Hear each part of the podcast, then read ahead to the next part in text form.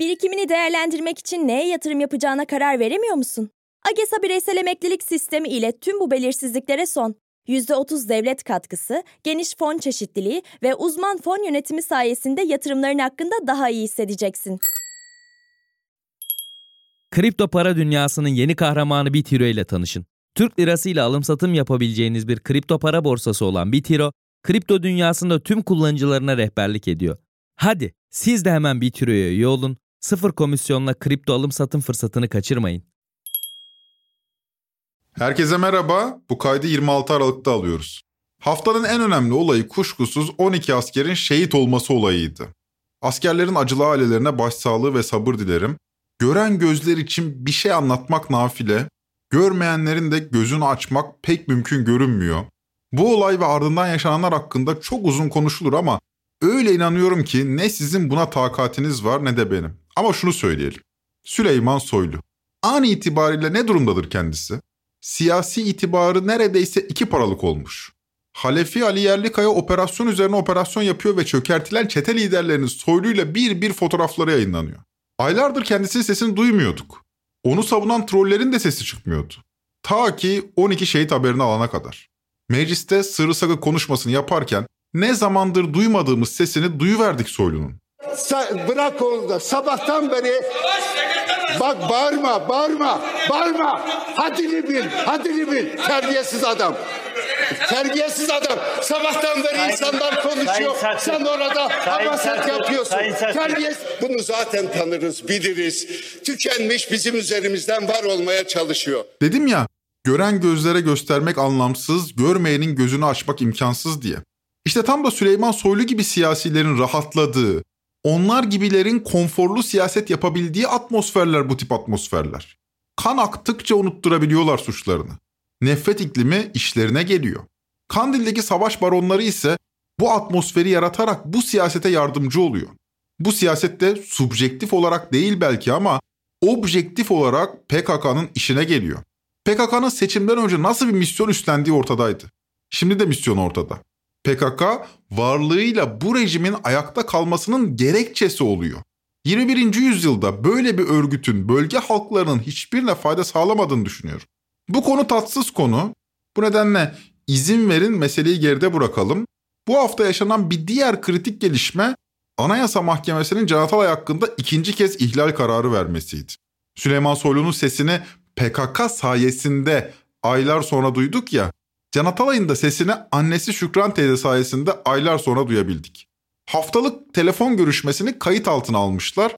Bu bölümde de size o kaydı dinletmek istedim son nefesine kadar Filistin halkının derdini dillendirme iradesini gösteren Hasan Bitmez'in hatırası önünde saygıyla eğiliyorum. Şimdi bu 6 Şubat'tan sonra yani büyük depremden sonraki ilk merkezi bütçe, genel bütçe görüşmesi biraz önce buraya gelmeden Türk İş logosu önünde bir işçinin, Türk İş'in asgari ücret tespit komisyonuna temsilci olarak gönderdiği bir işçinin konuşmasını dinledim. Sadece benim değil dinleyen herkesin şiiri dağlanmıştır. Diyor ki o işçi kardeş, çocuğum benden öğretmenler günü için yapılacak faaliyete katkı payı olmak üzere 10 lira istedi veremedim 10 lirayı borç almaya gittim. Türkiye'nin başka gündemi yoktur. Türkiye'nin tek gündemi budur. Türkiye'nin tek gündemi yoksulluğun istismarıdır. Türkiye'nin tek gündemi gelirde adaletsizliktir. Gelirde eşitsizliktir. Vergide adaletsizliktir. Vergide eşitsizliktir. Türkiye'nin tek gündemi öğün atlamak zorunda kalan çocuklardır. Yatağa aç giren çocuklardır. Türkiye'nin tek gündemi kamu hizmeti kötü ifa ediliyor diye ya da piyasa koşullarına teslim ediliyor ya da falanca tarikata cemaate teslim ediliyor diye göz göre göre ölüme gönderen insanlardır. Türkiye'nin gündemi budur dedim. Şimdi derdimiz büyük ama madem Hataylılara bir şey söylemek gerekir, şunu söylemek isterim. Bu genel bütçede deprem bölgesi yok. Bu genel bütçede Hatay yok. Esas olması gereken şey yok bu genel bütçede. Bu genel bütçeyle çözülmesi gereken, konuşması gereken şeylerin hiçbiri yok. Hatay'ı gün gün takip etmeye çalışıyorum. Hatay'da çözülmesi gereken sorunlar çözülmedi. Altyapı çöktü. Buna ilişkin alınması gereken tedbirler neredeyse 11 ay olacak. Alınmadı hala. Hatay'da enkaz kaldırmaya ilişkin, atık yönetimine ilişkin sorunlar çözülmedi. Giderek derinleşiyor. Hatay'da öyle bir altyapı sorunu, öyle bir sıkıntı yaşanıyor ki havalar soğudu, sürekli elektrik kesiliyor. Elektrik kesilen yurttaşlar ısınamıyorlar, herhangi bir faaliyet sürdüremiyorlar. Şimdi şunu konuşmak durumundayız. Depremden bu yana son 10 aydır 4 kere, 4 kere İskenderun çok ciddi taşkın ve yaşadı. Bu geçtiğimiz 10 ay içerisinde buna ilişkin ne tedbir alındı bunu konuşmak durumundayız. Enkaz kaldırılmasına ve atık yönetimine ilişkin alınmayan, bunca zamandır alınamayan tedbirleri konuşmak zorundayız. Mesele Ve telefon kesilir. Bu hukuksuzluğa razı gelenle, bu adaletsizliği hazmedebilenle mücadele etmek gerekir. Can Atalay'ın hakkı artık hepimizin hakkıdır bana kalırsa. Burada artık söz bitti. Fakat gündemin çok enteresan bir trend topik konusu var. Bir televizyon dizisi. Fox TV'de yayınlanan Kızıl Goncalar gündeme bomba gibi düştü. Hiç duymamış olabilirsiniz. Eğer öyleyse bu bölümde bol miktarda spoiler yiyeceksiniz. Baştan uyarayım. Eğer diziyi izlemeye niyetiniz varsa önce izleyin, bölümü sonra dinleyin. Yok, izlemeye niyetiniz yoksa gönül rahatlığıyla bölümü dinleyebilirsiniz. Ben Ozan Gündoğdu, hazırsanız başlayalım.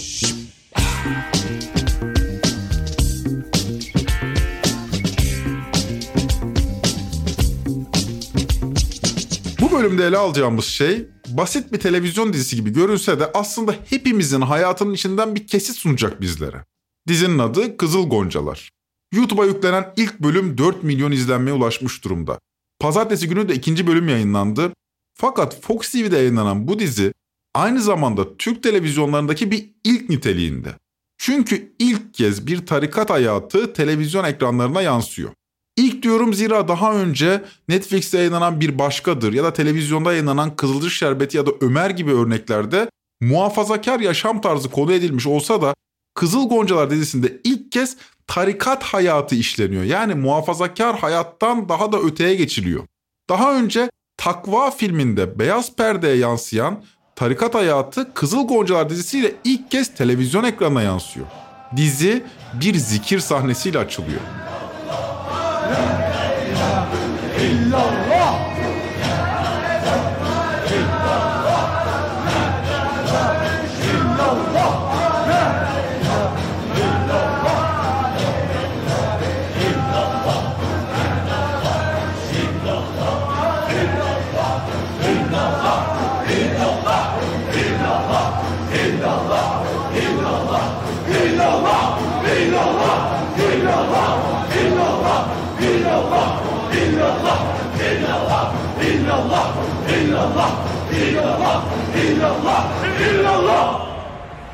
Muhammeden Resulullah. Bu ilk olma halinin sınavını veriyor Türkiye. 2023 yılında yani Erdoğan düzeninin hakim olduğu zamanın tam orta yerinde tarikat hayatını işleyen bir diziyi tartışıyoruz. Tarikatlar cephesinde diziye karşı ciddi bir öfke hakim.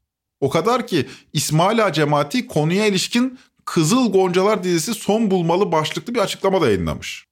Tarikat çevrelerinden yükselen ses Rütük Başkanı tarafından da duyulmuş ve Rütük Başkanı Ebu Bekir Şahin konuya ilişkin 21 Aralık'ta bir açıklama da yapmış. Fox TV'de yayına giren son diziye ilişkin çağrı merkezimiz aracılığıyla vatandaşlarımızın şikayet bildirimleri titizlikle kayıt altına alınmaktadır. Tüm şikayetler söz konusu yayın kuruluşunun denetimiyle sorumlu üst kurul uzmanlarımız tarafından incelenmektedir.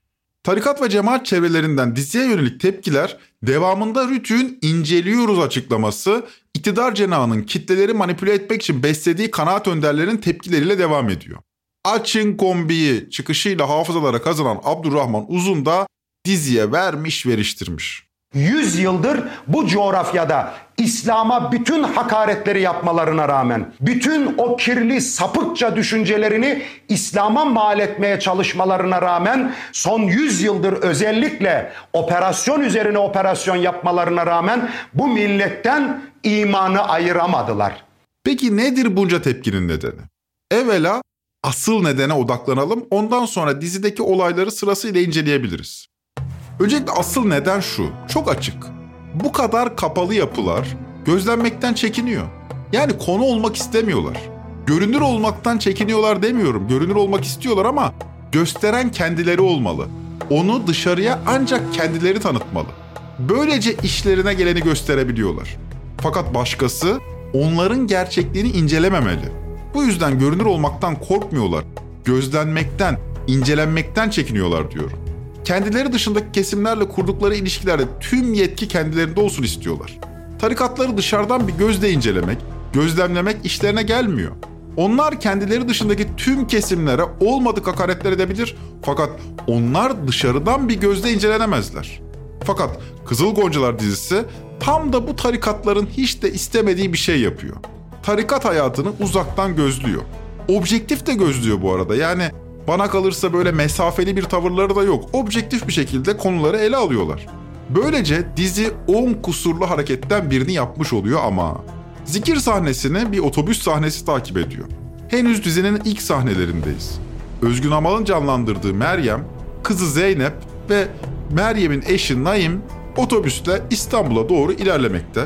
Bu esnada Zeynep susuyor, kız çocuğu. Meryem muavinden su isteyemiyor ama. Kocasına el ediyor. Çünkü izin alması gerekiyor. Fakat Naim de yani kocası da uyumakta. O esnada durumu fark eden muavin Meryem'in yanına geliyor. Su. Naim. Naim. Naim. Yenge buyur. Tabii yenge. Balık. Halkın gündelik İslami yaşayışından ayrışan bir anlayışa sahip olduklarını böylece anlıyoruz. Yetişkin bir kadın muavinden su bile isteyemiyor bak. Bunun için kocasının yardımına muhtaç. Başka bir erkeğin gözlerinin içine dahi bakamıyor. Sadece su diyebiliyor. Muavin suyu getirince kocası Naim uyanıyor. Karakusum. Susazdın mı sen? He, susazdım. Buyur yenge. Ne yapıyorsun edepsiz? Ya kocası burada görmüyor musun? Abi uyudum. Yenge Tarikatlarda kadının bundan farklı bir yeri var mı? Tarikat hayatında kadın el üstünde tutuluyor da biz mi yanlış düşünüyoruz? Acaba bu dizi bu haliyle iftira mı atıyor tarikatlara? Ya da dizide işlenen bu olay gerçeklerden uzak mı? Hadi bu olay üzerinden adıyla sanıyla konuşalım. Bir kadın yanında kocası varken yabancı bir erkekle konuşabilir mi? Yabancı bir erkekten bir şey isteyebilir mi? Mesela su isteyebilir mi? İsmail Ağa Cemaati'nin yayın organı Lale Gül TV'de bu soruya daha önceden cevap verilmiş. Biz şimdi dinleyelim. Bir kadın bir erkekle, bir erkek bir kadınla zaruret miktarı bir soru soracaksa sorar. Ahmet burada mı? Hasan geldi mi? İşte o veyahut da efendim Ayşe Hanım orada mı gibi sordu cevabı bu kadar.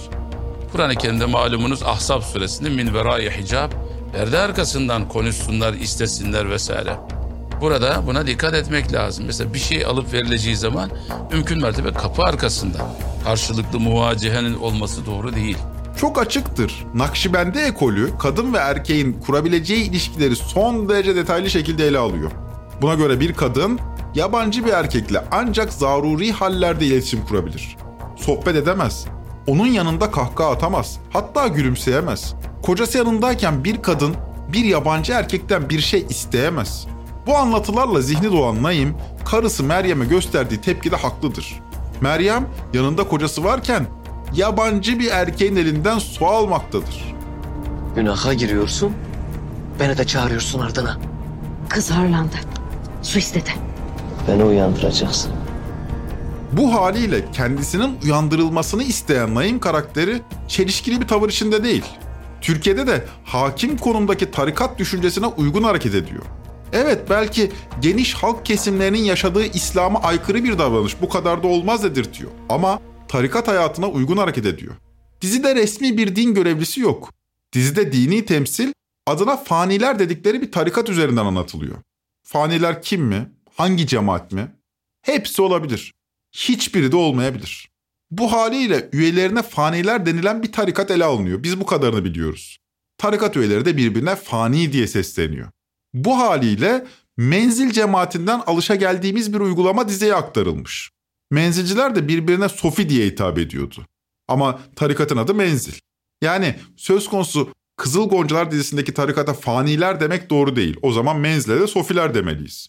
Türkiye'nin menzili bölümünde değinmiştik bu sofi ifadesini hatırlarsınız. Haydi sofiler çorbaya, sofiler çorbaya. Çorbaya sofiler. Bu nedenle esinlenilen tarikat menzile benziyor. Ama aynısı mı? Aynısı değil. Menzile benzemesinin bir nedeni de tarikatın ata toprağı dediği kasabanın Meryem ve Naim'in geldikleri kasaba olması. Yani ne demek bu? Tarikatın merkezi İstanbul'daki bir cami değil, alışa geldiğimizden biraz daha farklı. Uzaktan gelinilen bir yer. İstanbul'a gelinme nedeni de deprem bu arada. Naim ve Meryem ile kızları Zeynep depremden kaçıp dergaha sığınıyorlar. Bu haliyle İsmaila, Erenköy ve İskenderpaşa eleniyor. Çünkü onların merkezleri zaten İstanbul. Fakat menzil öyle değil. Menzil Nakşibendi tarikatının Adıyaman şubesi gibi düşünülebilir. Yani menzilin ata toprağı İstanbul değildir. İsmail Ağa üzerine alınıp diziye ilk tepi gösteren grup olmuş ama bence Menzil dizide anlatılan tarikata daha çok benziyor. Ama Menzil mi? O da değil. Esinlenilmiş diyebiliriz. Neyse bu konu magazinel. Meselemiz hangi tarikatın anlatıldığını tespit etmek değil. Ama şunu bilelim. Bizde adı sanı bilinen tarikatların hemen hepsi Nakşibendidir. Hatta o kadar ki biz Menzil Şeyhi diyebiliriz, diğer Nakşibendiler Adıyaman Şeyhi derler. Çünkü bir şube gibi kavrarlar Adıyaman şubesini ya da Menzil cemaatini. O da Nakşi Halididir çünkü. Halk TV'de Ayşegül Aslan'dan Üstü Mahallenin programında Adıyaman Şeyh'ini, Abdülbaki Efendi Hazretleri'ni resmini gösterdiler. Çok alay ettiler. Allah muhafaza etsin. Bir Allah'ın dostuna men adi aliye veliyen fakat ba'raceni bil Yani bu meseleyi anlamak istiyorsanız türlü türlü cemaatlerle kafanızı karıştırmayın. Ana gövde an itibaren Nakşibendidir. Menzil diye ayrı bir cemaat tasarladığınızda kafanız karışıyor. Ama karışmasın. Her ikisinden Nakşibendi Halidiye kolu. İşte biri Adıyaman'a bakıyor, diğeri Fatih Çarşamba'ya bakıyor. Her birinin merkezi bir cami. İsmail Ağa cemaat denilen şey de İsmail Ağa Camii. Her ikisi de aynı kolun ayrı cemaatleri. Nakşibendi tarikatı Halidiye kolu. Neden Halidiye? Çünkü bu ekolün yaratıcısının adı Halidi el-Bağdadi. Irak Süleymaniye doğumlu, daha yeni sayılır 1779'da dünyaya gelmiş. Onun halifeleri 19. yüzyılda daha 1800'lerde Anadolu'ya yayılıyor. Misal İsmail Ağa'nın geçen yıl ölen yarım asırlık şeyhi Mahmud Usta Osmanoğlu'nun da şeyhi olan Ahıskalı Ali Haydar, Halide el Bağdadi'nin halifelerinden. Yani bu kol 19. yüzyılda Anadolu'daki en yaygın tarikat haline geliyor.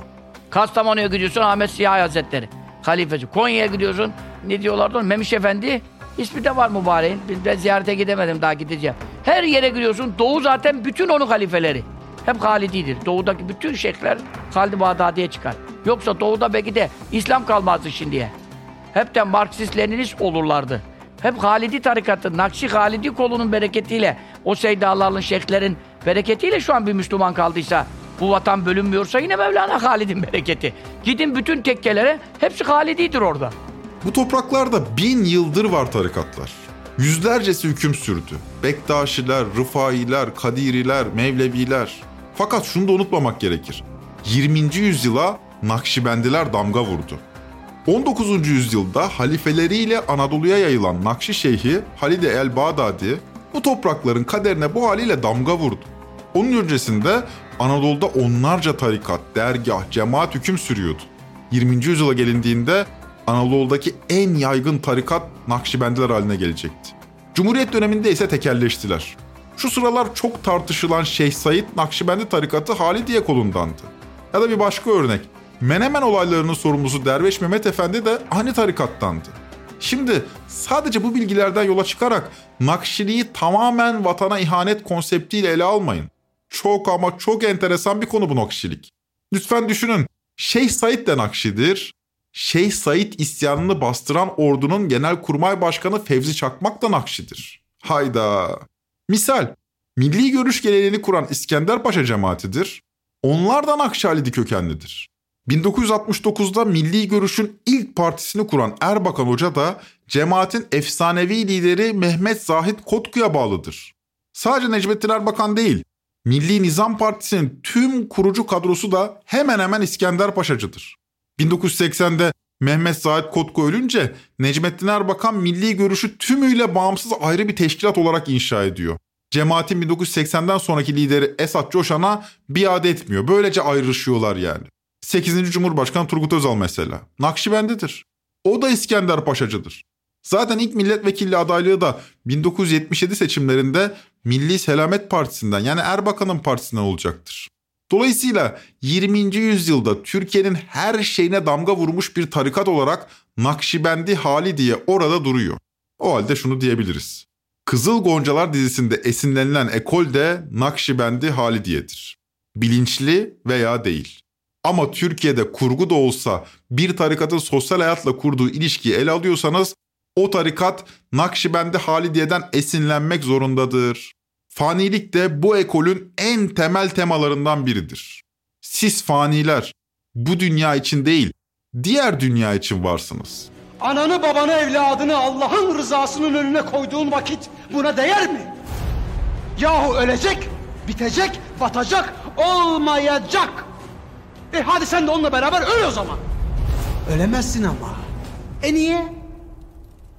Fani can tatlı. Ey fani, sen burası için yaratılmadın. Şunu artık bir anla. La uhibbel afili. Aslında son derece ilgi çekici olan bu konu tarikatların tümüyle içe kapanık yapılar olması nedeniyle yeterince işlenemiyor. Hal böyle olunca seküler kesimlerin tarikatlar üzerindeki bilgisi safsatalar düzeyinde oluyor. Ama çok büyük bir ekonomi de döndürüyorlar aynı zamanda. Örneğin Türkiye'nin en büyük market zinciri BİM'in sahibi Topbaş ailesi Erenköy cemaatini yönetmektedir. Mesela BİM halka açık bir şirket ve şirketin sahibinin Erenköy cemaatine bağlı olduğunu biz biliyoruz. Ama Erenköy cemaati hakkında neredeyse hiçbir şey bilmiyoruz. Hal böyle olunca BİM'in muhalif karar gazetesine ilan vermesiyle enflasyonun sorumluluğunun 3 harfli marketlere yıkılması arasında bağ da kuramıyoruz. Halbuki bu ikisi arasında muhakkak bir bağ var. Sürekli zam yapan zincir marketlerin FETÖ ile irtibat ilişkisinin titizlikle araştırılması gerektiğine de inanıyor. Milletimizin sırtına zam kamburu yerleştirmek isteyen her yerde bizi karşılarında bulacaktır. Bu aç gözlülere müsamaha gösterilmemelidir. O bağı kuramayınca bugün İsrail'in onca suç ortağı marka dururken Türkiye'deki İslamcıların neden Starbucks'a taktığını da iyi soruşturamıyoruz. Eskiden köylerde yaşar, tarımla uğraşırdık. Ama son 40-50 yıldır kentlerde yaşıyoruz. Fabrikalarda çalışıyor ve ticaretle uğraşıyoruz. Fakat geleneksel anlamda tarikatlar modern öncesi çağın kurumlarıydı. Yani biz köyde yaşarkenki hayatımıza uyumlulardı. Hepimizin köyde yaşadığı, tarımla uğraştığı, hayatı boyunca köyünden çıkmadığı, ailesinin de yüzlerce yıldır aynı köyde yaşadığı bir kapalı düzende tarikatların fonksiyonu ile bugünkü tarikatların fonksiyonu bir değil. Bugünkü tarikatlar kapitalizme uyum sağlamak için türlü çelişkilerin içine girmek zorunda kalıyorlar. Dizide bu meseleye de atıf yapılıyor. Ana karakterimiz Meryem yani Özgün Amal'ın canlandırdığı karakter tarikatın işlettiği bir börekçiye mutfak çalışanı olarak giriyor. Kendisine verilen malzemelerle börek yapmaya başlıyor. 5 tepsi yapıyor fakat tereyağı bitiyor. Ondan 20 tepsi yapılması istenmiş. O da işletmenin sahibi İdris Efendi'den tereyağı istiyor. Hayırdır bacım? E, tereyağı istedim ben. Sana verilenle sana denildiği kadar yapacaksın. Yetmedi. E, öbür yağla yapacaksın. O usulü bilmiyorum ben. Öğren. Öğretsinler. Olur. İyi. Tamam. E hadi. Vakit vakit. Ama e, kutuların üzerindeki yazıyı değiştirirseniz olur. Ne kutusu? Sattığınız kutular. Üzerinde has tereyağlı yazıyor. Onları değiştirirseniz o zaman olur. Ha. Başka? O kadar. O vakit olur. Tereyağı yerine margarin koyulmasını öğütleyen İdris Efendi, Meryem'den esnaflık dersi alınca tabii hiddetleniyor. Topla pılını pırtını. Seninle mi uğraşacağım? Bana ticaret öğretiyor kadın başıyla. Estağfurullah. Dizide herhangi bir din görevlisi resmedilmiyor bu arada. Tarikat eleştirel bir dille ele alınıyor. Ama belli ki ana karakterlerimizden birisi de tarikat liderinin torunu Cüneyt. Nasılsın Cüneyt? Sağ olun. Cüneyt. evet, özür dilerim. Cüneyt. Evet, Cüneyt değil, Cüneyt. Dizimizin belli ki derinlikli bir karakteri bu Cüneyt. Ana karakterlerimizden biri kendisi. Hakkaniyetli biri, adaletli biri. İlk bölümden yola çıkarak ön yargıya kapılmamak gerekir ve belli ki ilerleyen bölümlerde daha iyi bir karaktere dönüşecek. Yani izleyicinin sempatisini kazanacak bir karaktere dönüşecek belli ki. İzleyen bölümlerde ana karakterlerimizden birine dönüşecek olan bu kişi tarikatın da en önemli isimlerin başında geliyor. Efendi hazretleriyle yani tarikatın lideriyle düzenli görüşebilen iki kişiden biri bu Cüneyt. Dizi bu haliyle tarikatçılığı hakiki bir yerden ele alma çabası içinde. Yani dışarıdan gözlemiyoruz, doğrudan dergahın içinden gözlüyoruz olan biteni. Bu da zaten diziyi daha enteresan hale getiriyor. Dergahın içinde de Efendi Hazretleri bir numara, tartışmasız. Yani o kadar ki onun kapısı yüz sürülen bir yer ama biz Efendi Hazretlerini görmüyoruz. İşte bu Cüneyt Efendi Hazretleri'nin torunu. İşte burada kısa bir ara verelim ondan sonra devam edelim.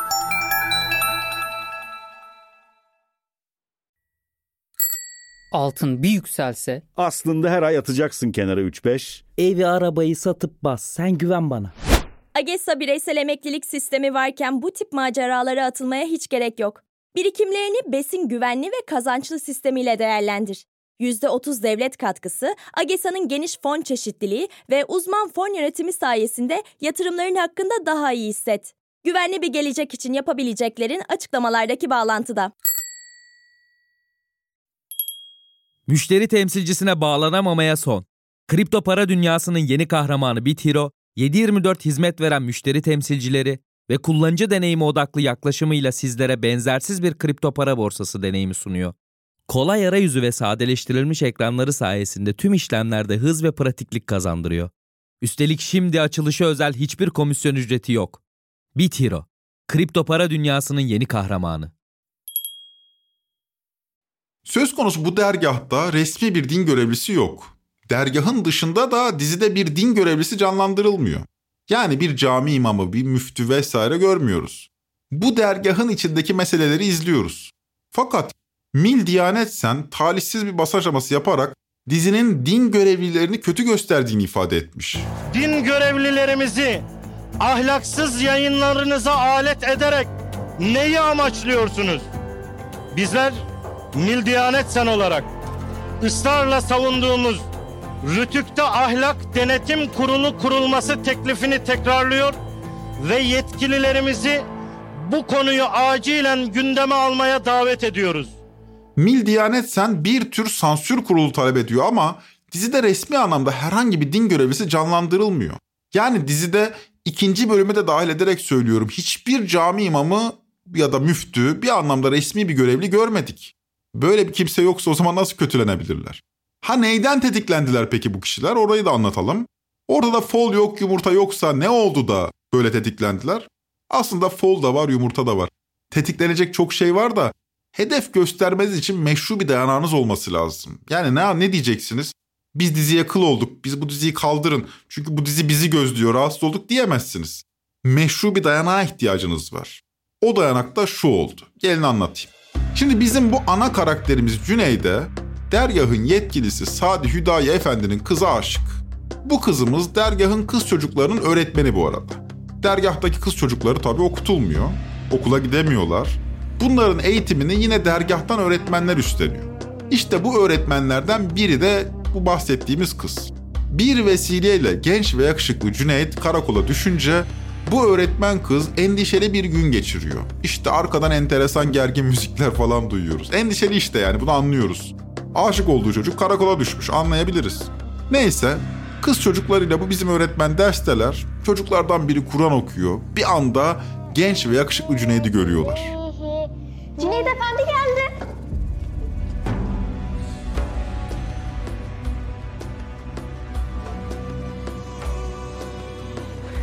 Bana baksana sen. Sen nasıl Kur'an'ı bölüyorsun? Nasıl sadaka alıyorsun Nezim Deve'den kalkıyorsun? Geç yere, geç! Geçin yerinize! Size ne Cüneyt Efendi'den? Size ne? İşte tam da bu anda Cüneyde Meftun genç öğretmen çocuklardan birine tokadı yapıştırıyor ve biraz önce dinlediğiniz şekilde azarlıyor. Diziyi hedef gösterirken kullanılan dayanak bu. Ne var burada, nereye tutulmuşlar diye düşünebilirsiniz. Yani Kur'an eğitimi sonrasında gösterilen bir şiddet var. Vay diyorlar şiddet olur mu? E oluyordu. Peki niye tepki gösteriyorsunuz? Şöyle manipüle ediyorlar meseleyi. Sosyal medyaya şu şekilde lanse ediyorlar. Kur'an kursunda öğretmen çocuk dövüyor. Ya burası Kur'an kursu değil ki burası yasa dışı bir yer. Neden Kur'an kursu diyorsunuz? Yandı gülüm keten elba. Tabii herkes kışkırtılmış oluyor. Çünkü hepimiz biliriz Kur'an kurslarını. Mahallenin camisinde açılır. Yazları çocuklar bir ay gider Kur'an kursuna. Veli kendisi teslim eder. Çıkışta caminin bahçesinde top falan oynanır. Fakat dizide işlenen tema Kur'an kursu değil. Bu çocuklar dergahtan dışarı bile çıkamıyorlar. Öğretmen de cami imamı değil. Bakın durum şu. Okula gönderilmeyen çocuklar var. Bu çocuklara dergahta dil eğitimi veriliyor. Bu din eğitimi sırasında yaşanan ve dramatik arka planda size anlattığım bir olay bu. Fakat açın kombi çıkışıyla milyonların tanıdığı Abdurrahman Uzun diziyi şöyle hedef göstermiş. O sahnenin içerisinde Kur'an kurslarında okuyan çocuklar var. Şimdi bakın bu diziler bu dönemde niye yapılıyor biliyor musunuz arkadaşlar? Şu anda Türkiye'de önceki yıllara nazaran çok ciddi oranda aileler çocuklarını Kur'an kurslarına gönderiyorlar. Okullarda özellikle imam hafızlık eğitimleri yapılıyor. Bugün Türkiye'nin dört bir tarafında her ilde yıl... Hale bak. Sirke döndü memleket. Ya tren topi dinleyen çok sayıda dindar insan var. Onlara selam olsun. Gözünüzü seveyim. Şu heriflerin gazına gelmeyin. Bir de paniği görüyorsunuz değil mi? Ya bu neyin paniği? Ne olur yani? Alt tarafı bir dizi. Takıldığınız şeye bak. Çocuğa vurulmuş, Kur'an kurslarında çocuğa vuruluyormuş gibi gösteriyormuşuz. Sinsiliğe bak. Milyonlarca insanı kışkırtmak için uydurdukları yalana bakın. Şimdi soralım. Yüreğiniz yetiyorsa deyin ki yo tarikatlar kız çocuklarının eğitimine engel olmaz. Hadi böyle deyin. Alın gözünüzün önünde kız çocuklarını okula göndermeyen bir getto var.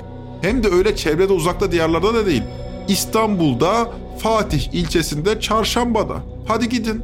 Buradaki İsmaila Camii'nde görev yapan Mahmut Usta Osmanoğlu yıllarca bunu öğütledi cemaatine.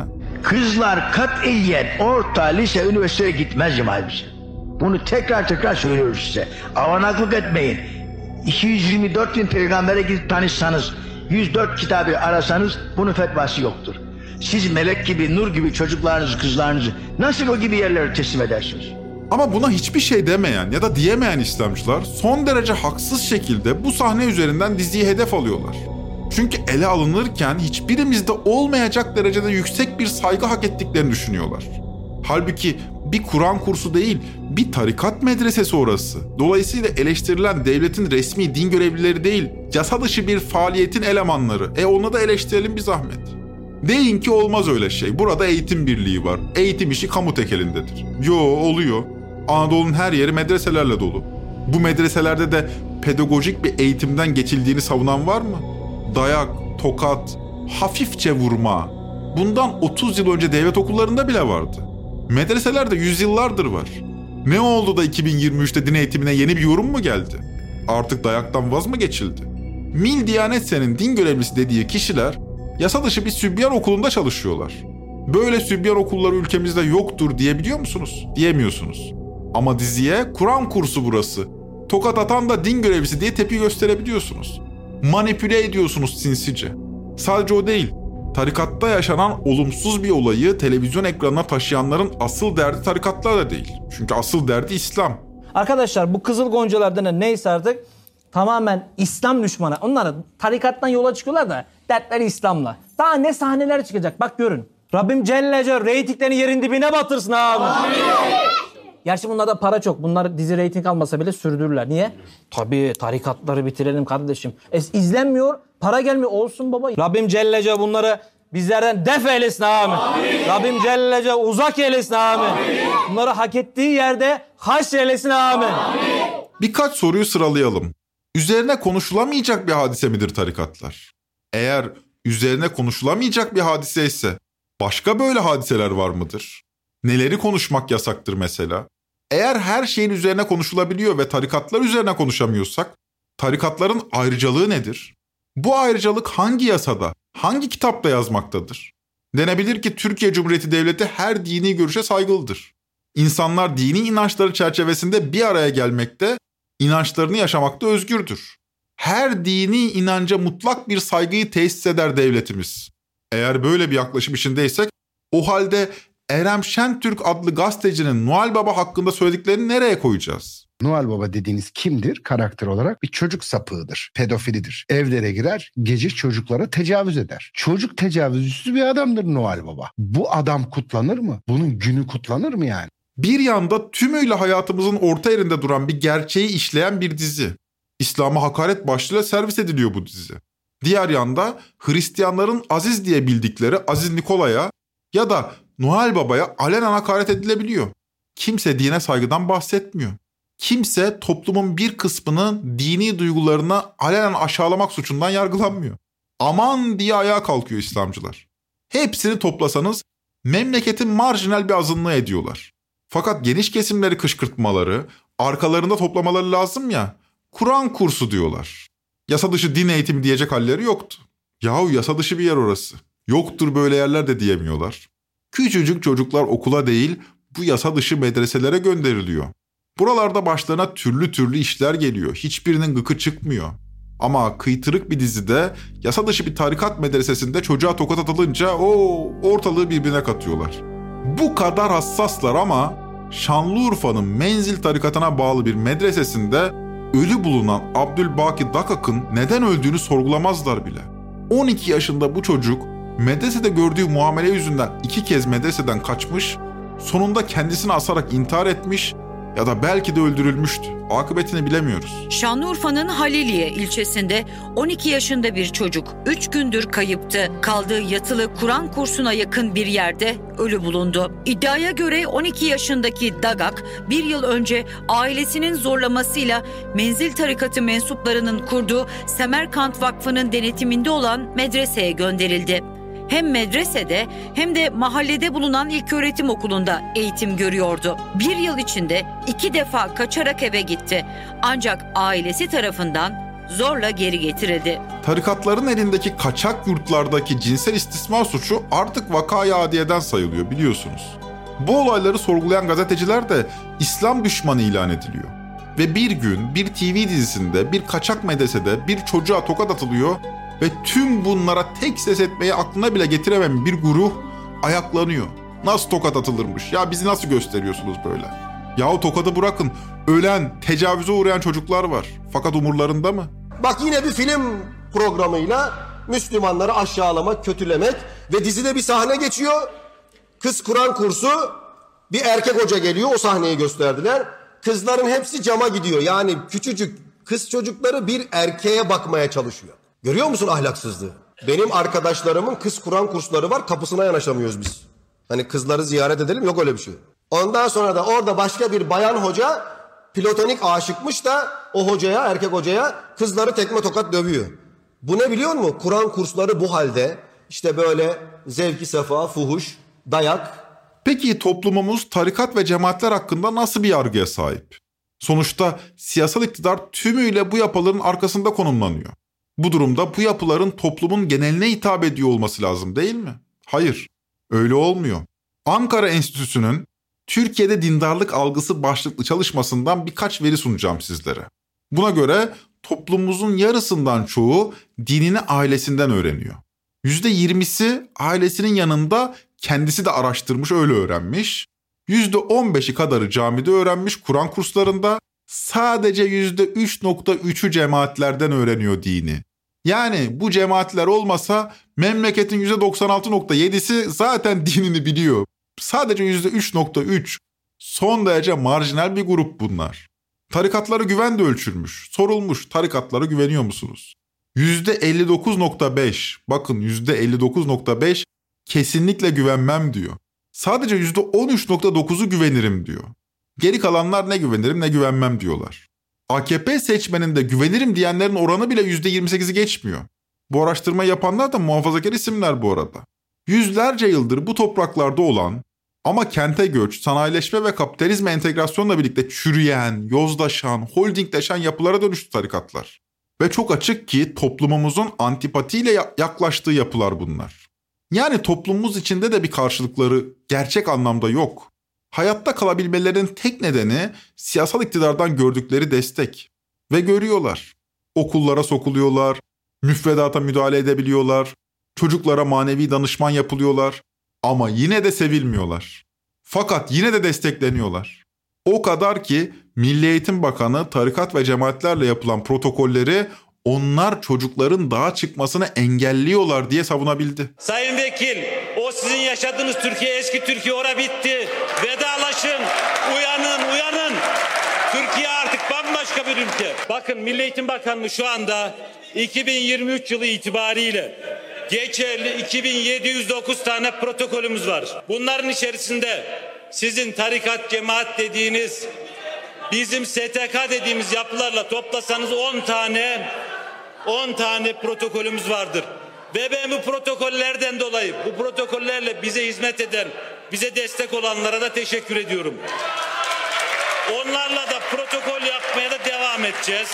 Çünkü onlar onlar çocukların dağa çıkmasını engelliyor.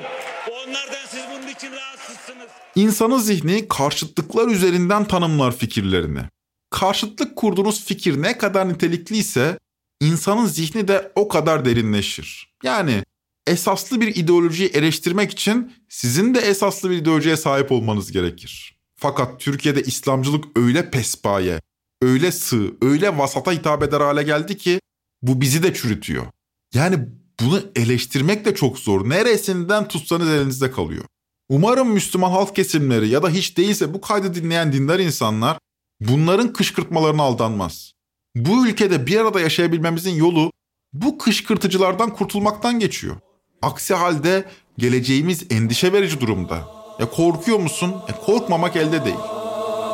Bu korkmamazlığım ile, bu korkmamazlığım ile Vallahi bala billahi bala tillahi bala Nerede bir yobaz görürem, nerede bir softa görürem Nerede bir molla görürem Korfirem bala korfirem bala korfirem Dalgalı fikirlerinden, riyakar zikirlerinden Korfirem bala korfirem bala korfirem Vallahi korkuyoruz, billahi korkuyoruz. Dalgalı fikirlerinden, riyakar zikirlerinden korkuyoruz. Türkiye bir Nakşi Halidi cehennemine döndü. Peki nasıl oldu da yüzlerce tarikat içinde devlet gücünü Nakşi Halidiler arkasında topladı? 20. yüzyıla neden ve nasıl damga vurdular? Bu konuları siyaset bilimci Behlül Özkan'la konuşacağız. Son derece ilgi çekici bu sohbeti bir sonraki bölümde dinleyebilirsiniz. Bu bölümün bir ek paketi gibi düşünün lütfen. Normal şartlarda yıl sonunda o yılı özetleyen bir almanak yayınlıyorduk. Geçen yıl da yapmıştık. Fakat bu yıl bir almanak yapsak 2023'ü özetlesek hepimiz depresyona girecek haldeyiz. O yüzden bu yılki almanağı lütfen es geçelim. Siz de beni affedin. Ne sizin dinleyecek haliniz var ne benim yılın olaylarını özetleyecek takatim kaldı. Hele ki 6 Şubat. Trend Topi'yi Podbi Medya ile beraber hazırlıyoruz. Bir sonraki bölüme kadar din tüccarlarının oyununa gelmemenizi dilerim. Yeni yılınızda kutlarım. Hoşçakalın.